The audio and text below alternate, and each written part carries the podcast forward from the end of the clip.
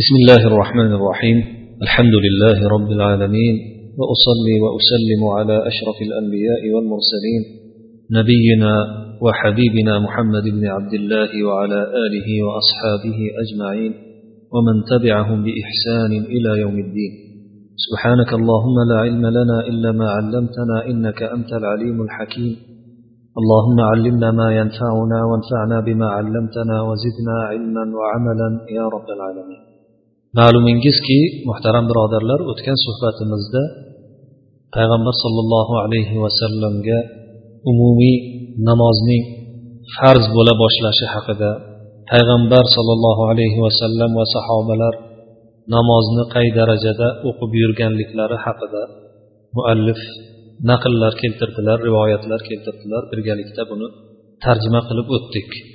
Muallif payg'ambar sollallohu alayhi vasallam va ali ibn abi tolib roziyallohu anhuning bekitiqcha yashirincha namoz o'qiyotganliklarini abu tolib ko'rib qolganliklari haqidagi hikoyani aytgan vaqtimizda suhbat to'xtab qolgan edi o'sha hikoyadan keyin muallif ushbu hikoyani keltiradilar aytadilarki vakana أصحاب رسول الله صلى الله عليه وسلم إذا صلوا ذهبوا في الشعاب واستخفوا بصلاتهم من قومهم فبينما سعد بن أبي وقاص في نفر من أصحاب رسول الله صلى الله عليه وسلم في شعب من شعاب مكة إذ ظهر عليهم نفر من المشركين وهم يصلون. فناكروهم وعابوا عليهم ما يصنعون حتى تقاتلوا. وضرب سعد يومئذ رجلا من المشركين بلحي جمل فشجه وكان أول دم أهريق في الإسلام payg'ambar sollallohu alayhi vasallam ashoblari namozni o'qimoqchi bo'lsalar ida sollovdan murod bu yerda namozni o'qimoqchi bo'lsalar ma'nosi namozni o'qib bo'lsalar degani emas bu arab tilidagi bunday qoida ko'p joylarda keladi qur'onda ham keladi qur'onda e'tibor bergan bo'lsangiz ya ayyuhallazina amanu إذا qumtum إلى الصلاة o'sha ida qumtum ila solati degandagi namozga tursalaringiz degan xitobda namozga turmoqchi bo'lsalaringiz degan ma'noni ishlatadi alloh subhanava taolo namozga turmoqchi bo'lsalaringiz mana bunaqa qilib torat qilinglar degan oyat keladi ma'lumki namoz betahorat bo'lmaydi shuning uchun bu yerda ham rasululloh sollallohu alayhi vasallam sahobalari namozni o'qisalar degan ma'noni namozni o'qimoqchi bo'lsalar ma'nosida tushunishimiz kerak. Rasululloh sollallohu alayhi vasallam sahobalari namoz o'qimoqchi bo'lganlarida daralar oralab kirib ketardilar. Makkadan xabardor bo'lgan kishilar bilishadi makka tog'lar orasida joylashgan shahar. Daralari ko'p bo'lgan joylar. O'sha daralarga kirib mahalladan tashqariga chiqib ketardilar. Namozlarini o'zlarini qavmlaridan bekitib olar edilar. Sad ibn abi vaqqos payg'ambar sollallohu alayhi vasallamni bir nechta sahobalari bilan bir kuni makka daralaridan birida turganlarida ularni ustidan mushriklardan bir to'pi ko'rinib qoldi. Bu sad ibn abi vaqqos uni va uni sheriklari namoz o'qiyotgan vaqtda namoz o'qiyotgan hollarida ularni mushriklar ko'rib qolishdi. Shunda juda qattiq inkor qilishib qilayotgan narsalarini juda yomon sanashib ayblab o'rtada bir birlari bilan urushib ketishdi urushib yoqalashib ketishdi. O'sha kuni sad ibn abi vaqqos mushriklardan bittasini tuyani jag'i bilan urib boshini yorib yubordi o'sha qon islomdagi birinchi to'kilgan qon bo'ldi deydilar ibn ishoq rahmatullohi alayhi muallif. Bu yerda ibn ishoqdan mana shuni naql qilib keltiradi. Lahyu jamal degani yoki lihyu jamal degani o'sha tuyaning jag'i degan ma'noni lihyun bilan lahyu ma'nosi bitta ma'noda. Ikkovi ham jag' ma'nosida keladi. Lahyu jamal degan yer ham bor. Tuyajag'i degan tuyajag' degan makka bilan madinani orasida madinaga yaqinroq joydagi bir joyni nomi ham bir qishloqni nomi ham tuyajag' deb ataladi. Lahyu jamal. Boshqa joylari ham bor. O'sha hijozda makka bilan madina oralig'ida ko'pgina bir nechta qishloqlar mana shu nom bilan ataladi. Lekin bu yerda bir qishloqni yerni nomi emas. Bu yerda o'sha o'zini asl lug'aviy ma'nosida ishlatilgan tuyani jag'i bilan bir tushirdi. Hamda uni boshini yordi o'sha mushrik odamni. Deyiladi ibn ishoq rahmatullohi alayhi keltirgan xabarda shu yerda endi ba'zi o'rinlarga to'xtab o'tgan suhbatimizdagi va mana shu hozirgi suhbatdagi kelgan voqealarni bir taammul qilib ba'zi narsalarni birgalikda baham ko'rsa hech shubhasiz musulmonlarni quraysh qabilalari orasida tavhidni bunday yoyib yuborishlari quraysh qabilasini juda iztirobga solib ularni oyog'ini ularni oyog'i kuygan tovuqdek qilib tipirchilatib qo'ygan. Ular o'zlarini o'sha aqllarini boshlariga singib ketgan o'sha haligi botil e'tiqodlarini tahdid solinayotganini ko'rgan edilar. Bu payg'ambar sallallohu alayhi vasallam sof e'tiqodlari kelganidan bu narsa tabiiyki ularni o'sha botil e'tiqodlari asosida qurilgan o'zlarini umumiy manfaatlariga tahdid soladi chunki ular o'sha botil e'tiqodlari asosida qabilalar o'rtasida juda katta markazga maqomga ega bo'lgan edilar ular. Shuning uchun ham payg'ambar sollallohu alayhi vasallamga va sahobalarga boshqacha butunlay boshqacha dinni keltirganlaridan keyin hatto ibodatlarini ham boshqacha qilayotganliklarini ko'rib nihoyatda adovatlari oshib ketdi. Adovatlari oshib ketgandan keyin bor dushmanliklarini o'rtaga chiqarib kurasha boshladi. Payg'ambar sallallohu alayhi vasallamga qarshi u kishini da'vatlariga qarshi kurasha boshladilar. Lekin payg'ambar sallallohu alayhi vasallamni o'zlariga qattiq judayam qattiq jismoniy ozor berishga qudratlari yetmasdan ba'zi bir musulmon bo'lgan kuchli bo'lgan sahobalarga ya'ni orqasida qabilalari turgan sahobalarga kuchlari yetmasdan zaiflarni azoblashga o'tdilar. Yuqorigi suhbatlarimizda ba'zilari payg'ambar sallallohu alayhi vasallam sahobalarini ba'zilarini qanday azoblanganlari voqealari o'tdi. Nima uchun bunday ozor berib azob bera boshladilar. Yuqorida ham aytildi. Chunki ular bu dinni butunlay qabul qilishni istamadi. O'zlarini dinlariga tahdid ko'rdilar bu dinni. Endi sahobalarga keladigan bo'lsak sahobalar ham ularni o'zlarini qabilalaridan bo'lgan ko'plari shunday odamlar edi. Ular ham arab arab edilar ko'plari. Balki to'qson to'qqiz foizlari arab edilar desak nima qilmaymiz. Ba'zi bilol ibn Hab, e, rabohga o'xshagan salmon forsiy keyin musulmon bo'lganlar. Bulardan tashqari boshqa hammalari o'sha qabilalik arablar edilar. Arablarni bilasizlar ular o'sha jaziratul arabda arabiston yarim orolida hech kimga bo'ysunmay yashagan arablar hisoblanadi. Ularda na davlat bo'lgan ilgari na birovlarga qullik qilishgan na biron bir nizomga suyanishgan mana shunaqa doimo erkinlik hurriyatda bir biriga bemalol tikka gapirib yashagan xalqlar hisoblanadi. Payg'ambar sallallohu alayhi vasallamga mo'min bo'lib musulmon bo'lganlaridan keyin arablarga ya'ni o'sha musulmon bo'lgan sahobiy arablarga bu azoblar juda qattiq alam qildi. Nihoyatda qattiq alam qilganligidan bunaqa haqoratlarni bunaqa xorliklarni masdan payg'ambar sallallohu alayhi vasallamni oldilariga necha bor keldilar. Ilgarilari bittagina tuya tufayli qirq yillab urushib ketgan arab qabilalaridan edi o'shalar.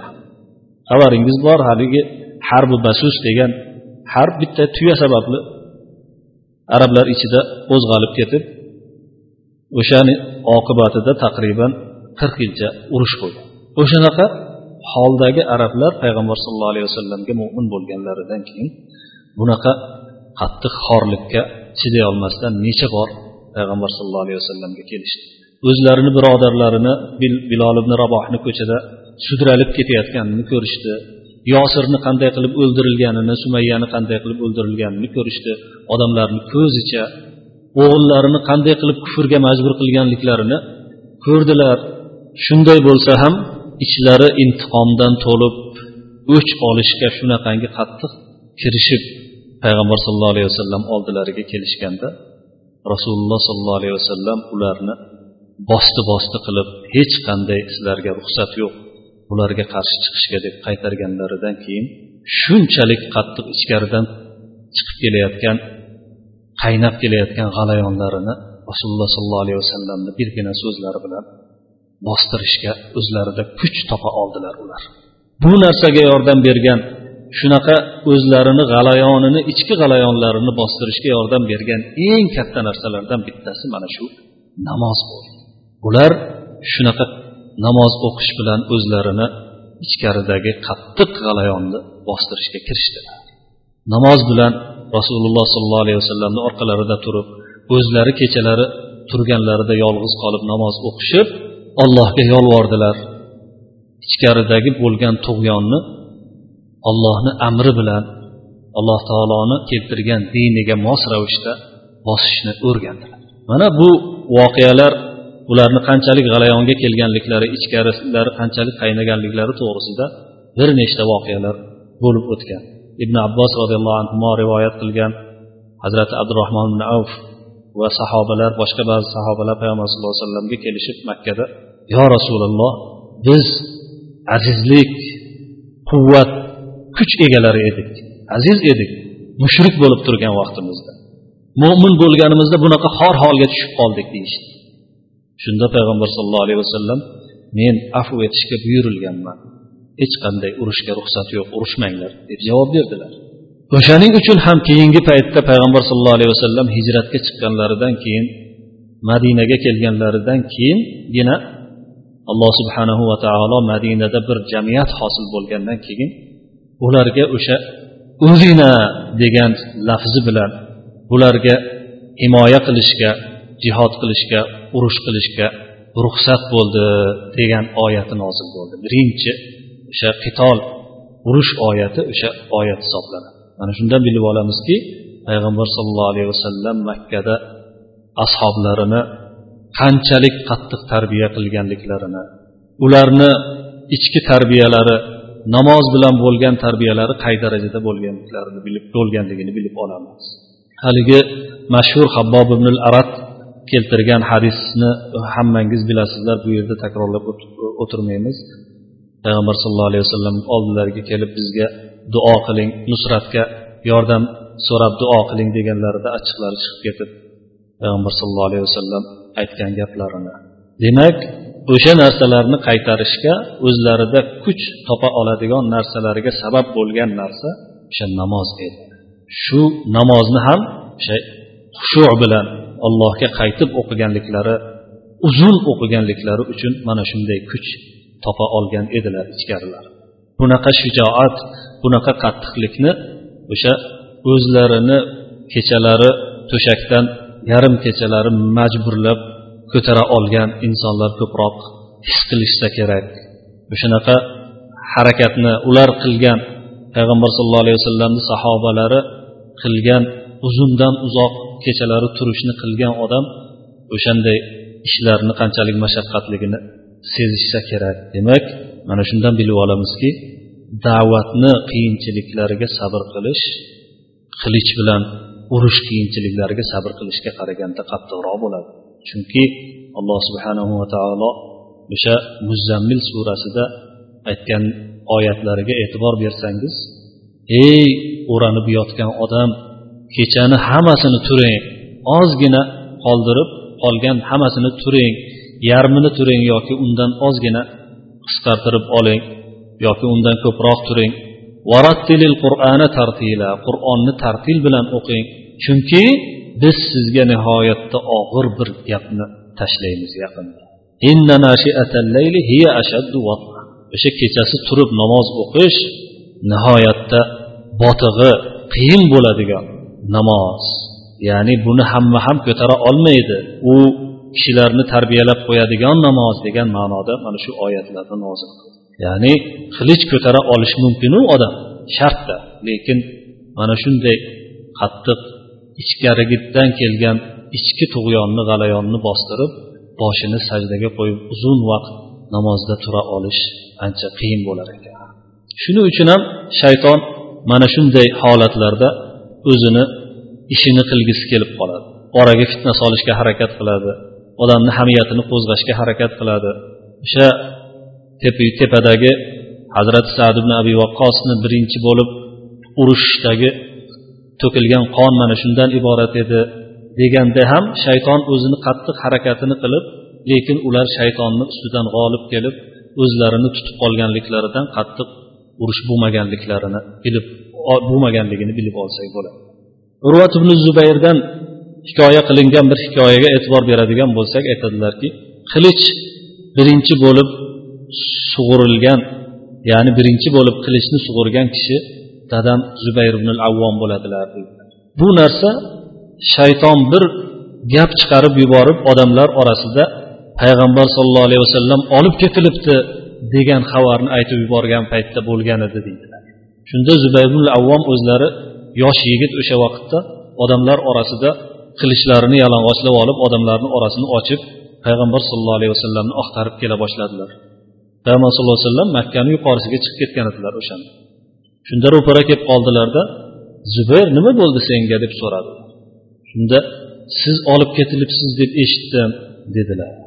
Shunda payg'ambar sallallohu alayhi vasallam u kishiga duo qilib qilichlariga ham duo qilganlar deydilar o'g'illari.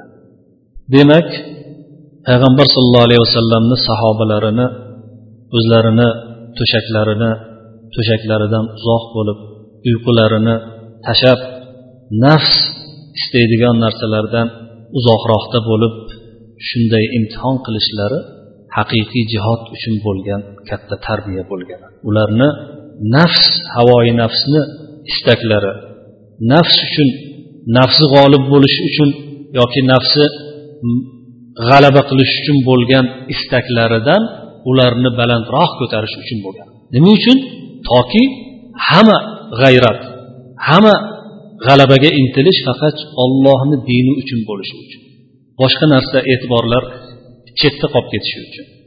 Chunki haqiqiy mana shunaqa ichkaridan kelgan tuyg'u faqat ollohni dini uchun bo'lmaguncha ichkarida biron bir nafs tuyg'ulariga bo'lgan rag'batlar qolaveradigan bo'lsa ixlos o'z vazifasini bajargan bo'lmaydi. Ya'ni ixlosga bir xalal yetgan bo'ladi unaqa ixlos bilan esa dinni komil bo'lishi yoki dinga komil suratda yordam bera olish qiyin bo'lib qoladi keyin muallif rahmatullohi alayhi boshqa bir faslga o'tadilar bu fasl payg'ambar sollallohu alayhi vasallamni o'zlarini qarindoshlarini ogohlantirishga bo'lgan buyruq haqidagi fasl hisoblanadi aytadilarki faslu عن ابن عباس رضي الله عنه قال لما أنزل الله تعالى وأنذر عشيرتك الأقربين أتى النبي صلى الله عليه وسلم الصفا فصعد عليه ثم نادى يا صباحاه فاجتمع الناس إليه بين رجل يأتي إليه وبين رجل يبعث رسوله. فقال رسول الله صلى الله عليه وسلم يا بني عبد المطلب يا بني فهر أرأيتم لو أخبرتكم أن خيلا بسفح هذا الجبل تريد أن تغير عليكم صدقتموني؟ قالوا نعم. قال فإني نذير لكم بين يدي عذاب شديد. فقال أبو لهب تبا لك سائر اليوم. أما دعوتنا إلا لهذا؟ وأنزل الله تعالى تبت يدا أبي لهب وتب أخرجاه في الصحيحين. Ibn abbos roziyallohu anhudan kelgan hadisda u kishi aytadilarki alloh subhanahu va taolo yaqin qarindoshlaringni ogohlantirgin degan oyatni nozil qilganida payg'ambar sollallohu alayhi vasallam safo tog'iga keldilarda chiqdilar tepasiga safo tog'ini bilasiz kabani yaqinida bo'lgan umrachilar va hojilar borganda chiqib hajni bir qismi bo'lgan o'sha safo bilan marva orasidagi yugurishni sayini qiladigan umrani o'sha safo degan tog'i hisoblanadi umra amalini haj qiladi. O'sha safo tog'iga hozirgi paytga kelib bu safo tog'i yo'q bo'lib ketgan o'rniga imorat qurilib o'sha kabatullohni atrofidagi masjidil harom katta qilib bino qilib qurib yuborilgan ba'zi tagidagi tog'larni oz qismi qolgan ya'ni tepalik qilib qo'yishgan uni ustiga imoratlar masjidi haromni o'sha safo qismi qurilgan. Demak payg'ambar sollallohu alayhi vasallam o'sha oyat nozil bo'lganida safo tog'iga keldilarda. Safo tog'iga kelishlariga sabab atrofga ovozini ovozlarini qo'yib baqirib chaqirsalar eshitilishi yaxshiroq bo'lishi uchun.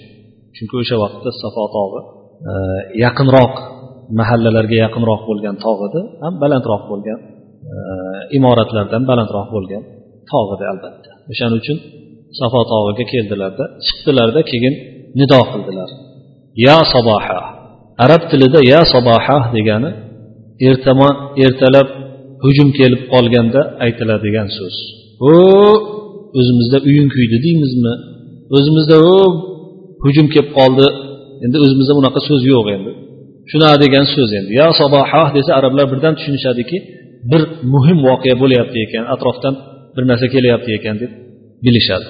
O'zi aslida saboh bilasizlar ertalab deydi. Xullas shunaqa deb odamlarni e'tiborini qaratadigan so'z bilan chaqirdilar. Odamlar u kishiga to'planib kelishdi. Ba'zilar o'zlari kelishdi ba'zilar o'z odam yuborishdi. Shunda rasululloh sollallohu alayhi vasallam ey abdul muttalib farzandlari ey fehr farzandlari deb o'zlarini qarindoshlarini sanadilar. Menga aytinglarchi agar mana shu tog'ni orqasida bir otliqlar bo'lib shu otliqlar sizlarga g'orat qilib hujum qilmoqchi ekan deb sizlarga xabar beradigan bo'lsam meni tasdiqlar edinglarmi? dedilar. Ular ha deyishdi. Nima uchun? Chunki payg'ambar sallallohu alayhi vasallam umrlarida yolg'on gapni aytmagan amin zot edilar omonatli sodiq zot edilar. Shuning uchun ha deyishdi birdaniga. Shunda payg'ambar sallallohu alayhi vasallam aytdilarki men dedilar sizlarga nihoyatda qattiq azob oldidan ogohlantiruvchi ogohlantiruvchiman dedilar. Shunda hamma qarindoshlar uzoq yaqin qarindoshlar jim turib o'zlarini eng yaqin amakilari amakisi amakilari abu lahab olloh uni o'zi badbaxt qilib qo'ygan ekan. Abu lahab turdida e qurib ketgin dedi. E kun bo'yi qurib ketgin e butunlay qurib ketdi bizni shu narsaga chaqirganmiding bundan boshqa narsaga chaqirmas chaqirmaganmiding dedi. O'sha vaqtda keyin alloh subhanava taolo o'shanda o'sha tabbat suratini surasini nozil qildi. Tabbat yada abi lahab. Abu lahabni ikki qo'li qurisin quridi qurisin va tabba haqiqatda o'zi ham quridi halok bo'ldi degan tahdidli oyatlar nozil bo'ldi. Bu hadisni imom buxoriy bilan imom muslim o'zlarini sahihlarida ikkovlari ham chiqarishgan. وروى مسلم عن أبي هريرة قال لما نزلت هذه الآية وأنذر عشيرتك الأقربين دعا رسول الله صلى الله عليه وسلم فعم وخص. فقال يا معشر قريش أنقذوا أنفسكم من النار. يا معشر بني كعب أنقذوا أنفسكم من النار. يا معشر بني هاشم أنقذوا أنفسكم من النار. يا معشر بني عبد المطلب أنقذوا أنفسكم من النار. يا فاطمة بنت محمد يا فاطمة بنت محمد أنقذي نفسك من النار. فإني لا أملك لكم من الله شيئا إلا أن لكم رحما سأبلها ببلالها أو ببلالها. إمام مسلم abu hurayra roziyallohu anhudan rivoyat qiladilarki abu hurayra roziyallohu anhu shunday deydilar ushbu oyat ya'ni yuqorida aytib o'tganimiz yaqin qarindoshlaringni ogohlantir degan oyat nozil bo'lganida rasululloh sollallohu alayhi vasallam chaqirdilar. Chaqirdilarda hamma qarindoshlarga umumiy qilib ba'zilariga xususiy qilib o'zlarini ismlarini aytib maviza qildilar gapirdilar. Aytdilarki ey quraysh jamoasi o'zinglarni do'zaxdan qutqarib olinglar o'tdan qutqarib olinglar. Ey kab farzandlari kab luay qurayshni katta qabilalaridan bittasi ey kab farzandlari farzandlari jamoasi o'zinglarni do'zaxdan o'tdan qutqarib olinglar. Ey banu hoshim jamoasi hoshim farzandlari jamoasi o'zinglarni do'zaxdan o'tdan qutqarib olinglar. Ey abdul muttolib farzandlari jamoasi o'zinglarni o'tdan do'zaxdan qutqarib olinglar. Ey muhammadni qizi fotima o'zingni do'zaxdan o'tdan qutqarib olgin. Zero men sizlarga alloh subhanahu va taoloni oldida biron narsaga ega emasman. Biron narsada foyda keltirolmayman. Illa annalakum lekin sizlarga bu oramizda qarindosh urug'chilik bor. O'sha qarindosh urug'chilikni bir ho'llab suvi bilan ho'llab turaman dedilar. Arablar saabulluha bibilaliha yoki bibalaliha deydi. Ko'pincha buni ulamolarni aytishlaricha qarindoshlikni payg'ambarimiz sollallohu alayhi vasallam bu yerda bir teriga o'xshatyapti terini ho'llab boshlab yaxshilab uqalagandan keyin teri nihoyatda yumshoq bo'lib qaysi tomonga bursangiz qaysi tomonga e-, eksangiz egilib ketaveradi. Burasangiz buralib o'rasangiz o'ralib ketaveradi. Shunday qarindoshchilikni ham qarindosh urug'chilikni ham bordi keldini uzmasdan doim borib ho'llab tursangiz orada iliqlik ko'payadi. Ular muloyim bo'lishadi sizni muloyim bo'lganligingizni xabardor bo'lib turganligingizni ko'rib.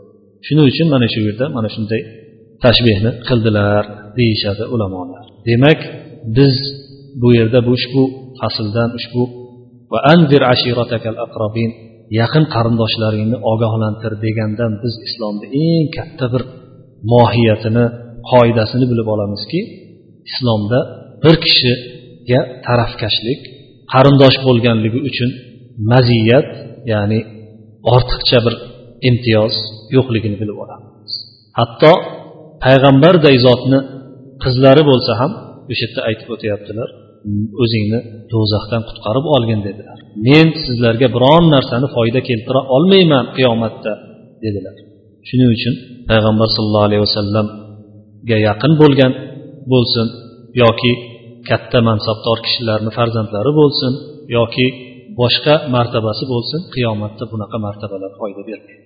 Qiyomatda faqat alloh subhanahu va taolodan haqiqiy qo'rqqanlar uni dinida mustahkam sabot bilan xizmat qilganlargina qiyomatda xotirjam bo'lishadi suhbatimiz mana shu yerga yetganida sizlar bilan xayrlashamiz keyingi suhbatga qadar alloh subhanahu va taoloni hifzi himoyasiga topshiramiz va sallallohu vasallam va baraka على نبينا محمد وعلى آله وأصحابه أجمعين والسلام عليكم ورحمة الله وبركاته